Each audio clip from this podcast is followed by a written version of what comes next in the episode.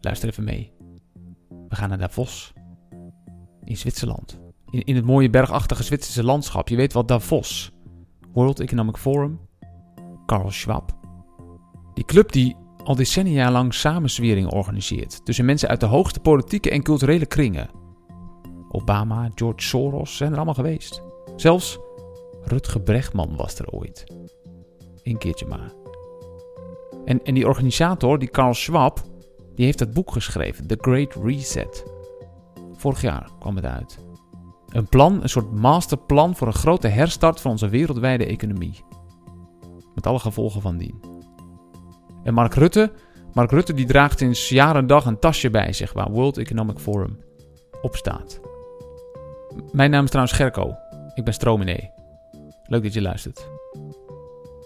Naar Davos dus, want we zijn bezig met een serie over de gelijkenissen tussen de politiek turbulente tijd rond het jaar 0, de tijd van Jezus, beschreven door zijn biograaf Marcus, en de huidige politiek turbulente tijd. En ik zeg je, het is opvallend. Het is echt opvallend. Als je goed oplet, zie je van alles. Als je je ogen open doet, als je je oor te luisteren legt. Wie oren heeft, die horen. En precies dat gaan we doen dus vandaag. Heel simpel. Gewoon even uitzoeken wat ze daar uitspookte in Davos. Even grasduinen in de archieven, die gewoon op het internet staan. niet alles natuurlijk, niet alles staat op het internet. Het belangrijkste natuurlijk niet, maar er staat genoeg dat interessant materiaal oplevert. En zo'n zo'n Great Reset die heeft natuurlijk alles te maken met mindset. En het liefst nog het beheersen daarvan. Bijvoorbeeld met artificial intelligence. En hoe je daarmee menselijk bewustzijn kunt beïnvloeden. Oké, let goed op. In 2018 was er bij de conferentie van de World Economic Forum in Davos een paneldiscussie over the evolution of consciousness. Bewustzijn dus. En ook over de rol die artificial intelligence daarbij speelt. 2018 dus, hè? Pakweg een jaar voor de pandemie uitbrak. Oké, let op. Gasten zijn Yuval Harari, die hele beroemde Joodse historicus van het boek Sapiens. Joodse historicus. En ook Joodse journalist Amy Bernstein. Daarnaast Jody Halpern, weer een Joodse naam. Een professor bioethiek en medical humanities. En als laatste de vermaarde hersenwetenschapper Daniel Dennett. Een van de vier felle atheïsten die door velen worden aangeduid als de vier ruiters van de apocalyps uit het Bijbelboek Openbaring. Vier sprekers dus. En het onderwerp is artificiële intelligentie. Oftewel, computers die kunnen wat mensen kunnen. Computers die over kunnen nemen wat mensen kunnen. Taal leren bijvoorbeeld. Of nog andere dingen. En de vraag is, wat voor andere dingen? Wat kunnen computers nog meer? Een van die vier sprekers, Jody Halpen, die zei iets interessants. Ze zei: Elk jaar leg ik mijn studenten een vraag voor. Deze. Stel je een elektrode voor die ik in je brein zou planten. Die elektrode die berekent op basis van je eigen geschiedenis en de toestand van de wereld wat voor jou op elk willekeurig moment de juiste beslissing is om te nemen. Nieuwe baan, huis kopen, deze broek wel of niet, enzovoort. En mijn vraag aan de studenten is deze: Zou je dat willen? Zou je zo'n chip geïmplanteerd willen hebben? En op 20 jaar is het antwoord nee. Ik stel de vraag al 20 jaar, zegt ze. En al 20 jaar is het antwoord nee. Ik heb er zelf eens over nagedacht. En ik zou het ook niet willen. Niet per se vanwege de berekeningen van die chip zelf en of die wel of niet goed zijn, maar meer omdat het me erg spannend lijkt om dingen in mijn brein te plaatsen. Ik zou het risico niet willen lopen. Maar dat gaat eigenlijk voorbij aan de vraag. De vraag is vooral: zou artificiële intelligentie betere beslissingen maken dan ikzelf? Zou zo'n chip voor mij beter uitpakken? En daarover zegt Jody Halpen dit. Mijn studenten hebben het al 20 jaar fout. Dit is wel wat je zou moeten willen. Tenminste, zodra de techniek er klaar voor is. Dat is nu nog niet zo, maar dat komt wel. Dit zou je wel moeten willen, niet omdat we ons zoveel mogelijk met chips moeten volhangen, maar omdat het evident is dat een geavanceerde computer betere beslissingen maakt dan ikzelf, dan jijzelf. In haar bijdrage bij het panel in Davos ligt het nog verder toe. Want de chip waar ze het over heeft gaat over de juiste beslissingen nemen. En daarbij weten we allemaal dat het helpt om er goed over na te denken. Het eerste wat je doet als je een huis wil kopen, is de plussen en de min op een rij zetten, in je hoofd of op papier. Daarna maak je een risico-inschatting en dan neem je een besluit.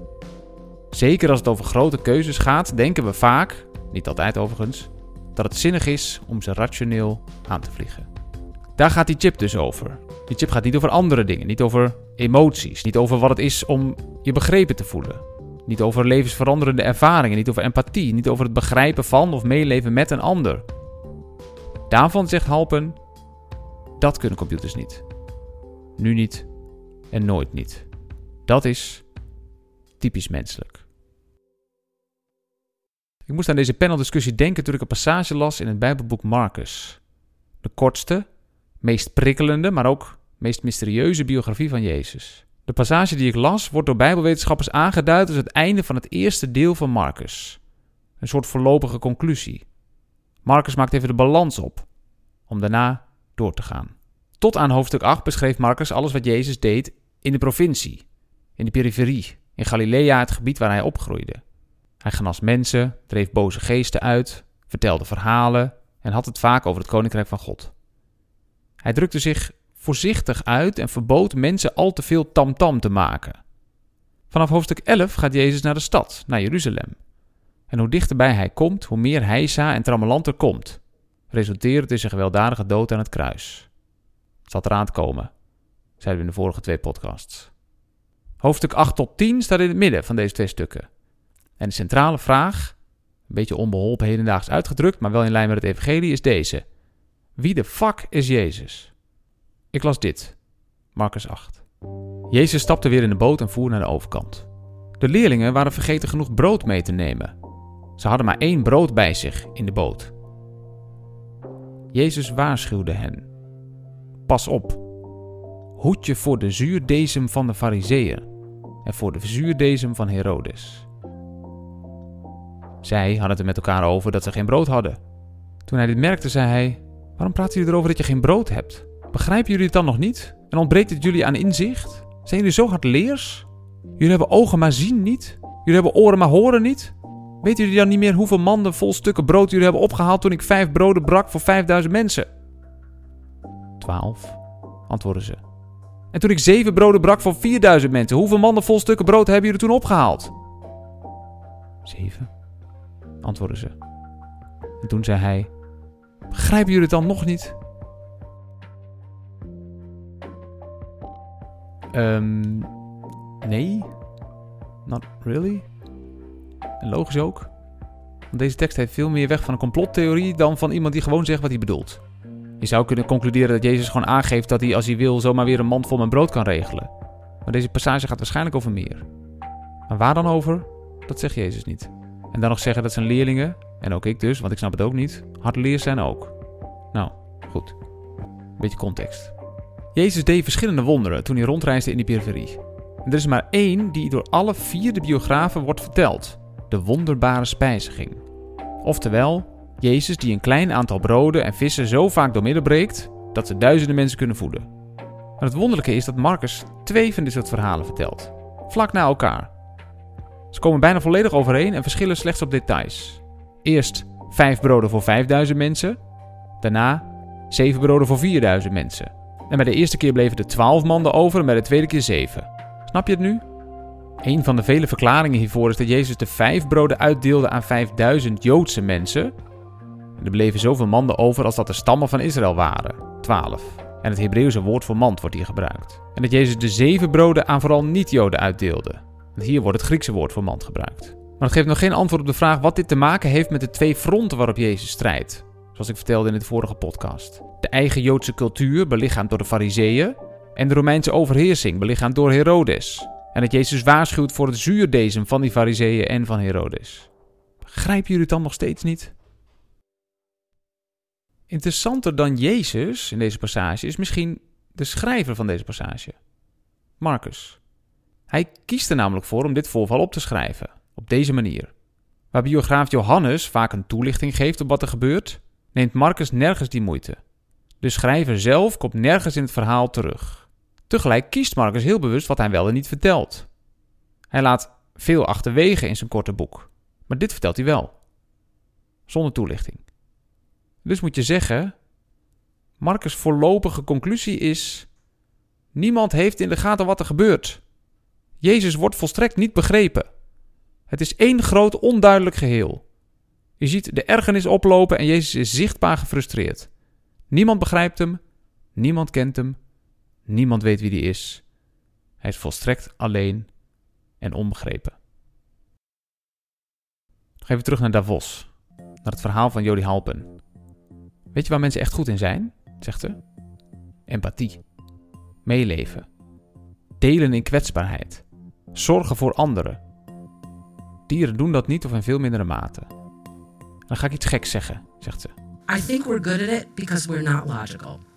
I, this is a very bizarre thing to say, but I think it's the glitches in us, in, which are related to our finitude, that make us really feel understood by each other.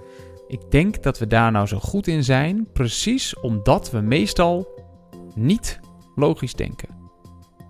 Precies omdat we nou juist niet goed zijn in het maken van rationele beslissingen. Ga maar na, gaat ze verder. We voelen de meeste empathie, het meeste meeleven met iemand die eerlijk uitkomt voor zijn of haar fouten, voor waar hij of zij tekort schiet, waarin hij of zij kwetsbaar bleek. En we voelen de meeste empathie als er sprake is van onlogisch, krankzinnig lijden. Het zijn deze glitches, de logische weeffouten die begrip en meeleven opleveren. Beslissingen maken kun je overlaten aan computers. Maar empathie tonen, dat is iets menselijks. Een 19e-eeuwse schrijver Chesterton schreef lange tijd geleden een stuk over gekte, paranoia. Vaak noemen we mensen die daarna lijden gek, zei hij. Alsof ze niet rationeel zijn. Tegendeel is het geval. Mensen die overal verbanden zien, die complotten zien, of toegewijde gelovigen die zich verliezen in één groot dichtgetimmerd geloofssysteem. Ze zijn niet te weinig rationeel, ze zijn te veel rationeel. Ze vergeten dat leven meer is dan logische besluiten nemen en logische verbanden zien. Een mensenleven draait om iets veel belangrijkers: zin, waarde, betekenis, meeleven, empathie, samen zijn. En precies die dingen floreren bij het ontbreken van logica. Nu ik er zo over nadenk, is het mij altijd al opgevallen dat Jezus zich vaak zo indirect opstelde. Hij schreef geen dogmatiek, geen geloofsleer. Hij schreef überhaupt niks. Hij vertelde verhalen, gelijkenissen, voor meerdere uitleg vatbaar. Hij deed dingen die blijkbaar van alles tegelijk betekenden zonder dat iemand het doorhad. En er werd massaal niet begrepen. Pas decennia later werd alles wat hij zei en deed opgeschreven. Niet bepaald foolproof zou je zeggen, als je wilt dat je woorden eeuwen blijven hangen. Als puber vroeg ik me af of het niet eenvoudiger zou zijn geweest als Jezus gewoon had verteld hoe hij het hebben wilde. Wat hij wilde dat mensen deden en of hij wel of niet wilde dat homo's zouden trouwen. Man, wat een gezeik zou dat hebben gescheeld. En dat hij gewoon rechtstreeks had gezegd wat het plan van God met deze aarde was. In plaats daarvan liet zijn aanwezigheid een reeks iets wat complotterige biografieën na, waar mensen al 2000 jaar lang naar hartelust tegenovergestelde conclusies uit kunnen trekken. Maar Marcus schrijft zijn verhaal. Heel bewust. Zoals Jezus heel bewust zijn leven leidde. Beide dringen niks op. Beide laten de lezer nadenken, zelf een eigen keuze maken. Beide laten zien wat er gebeurt als God mens wordt. Het is de enige claim die Marcus zelf optekent aan het begin van zijn boek. Dit is het evangelie van Jezus Christus, Zoon van God. En als God mens wordt, gaat hij blijkbaar niet zitten handhaven. Hij komt niet vertellen welke keuzes mensen moeten maken. Hij komt meevoelen. Hij zoekt de frustratie op. Hij zoekt de eerlijkheid op. Hij vertelt verhalen over mensen die in elkaar worden geslagen en kinderen die de erfenis er doorheen jagen. Hij vertelt verhalen die laten zien dat de letter van de wet vaak tekortschiet. Hij heeft oog voor verliezers. God wordt mens in de menselijke zin van het woord. Misschien niet bijzonder goed in het maken van beslissingen, maar wel iemand die meeleidt, die meevoelt, die naast mensen staat. Deze week verscheen er een stuk van literatuurrecensent Marjoleine de Vos in het NSC. De titel was Is zoeken naar zin en betekenis niet eigenlijk een zoektocht naar geloof? Marjoleine las de afgelopen tijd verschillende boeken over mensen die hun best deden om het goede te doen. Regelmatig mislukte dat natuurlijk, maar het verlangen bleef. En ook het verlangen dat goed doen überhaupt ergens goed voor is. Maakt het dan eigenlijk uit of je gelooft dat er een God is? Vraagt Marjolein zich af. Enerzijds niet, stelt ze. Want of je nou wel of niet in God gelooft, we proberen allemaal het goede te doen en we klungelen maar wat aan en maken regelmatig stomme beslissingen. Maar er zijn ook mensen die God ervaren, zegt ze dan. Op welke manier dan ook. Mensen die zijn aanwezigheid voelen of zijn stem horen. Of mensen die gewoon heel sterk het idee hebben dat wat ze doen, dat dat met God te maken heeft. Dat het woord God, hoewel het soms best onduidelijk kan zijn, eigenlijk heel geschikt is voor datgene wat ze toch al deden. En dat het zin heeft dat ze zich voor het goede inzetten, omdat God goedheid is. In dat geval, concludeert Marjoleine, maakt het wel uit als je in God gelooft. Voor het gevoel wat het is om in leven te zijn, maakt geloven in God een wereld van verschil. God wordt mens, zegt Marcus. Geen chip in je hoofd die beslissingen voor je maakt, maar iemand die naast je staat, voor wie je empathie kunt voelen en die empathie heeft met jou. En natuurlijk, er is meer. Het boek Marcus is nog niet klaar. Jezus staat naast zijn mensen, hij staat ook tegenover de machten van zijn tijd. En daarover gaat de rest van Marcus' boek. Dat gaan we volgende week bespreken. Niet meer op podcast, maar gewoon in de samenkomst. Want het kan weer. Hoera!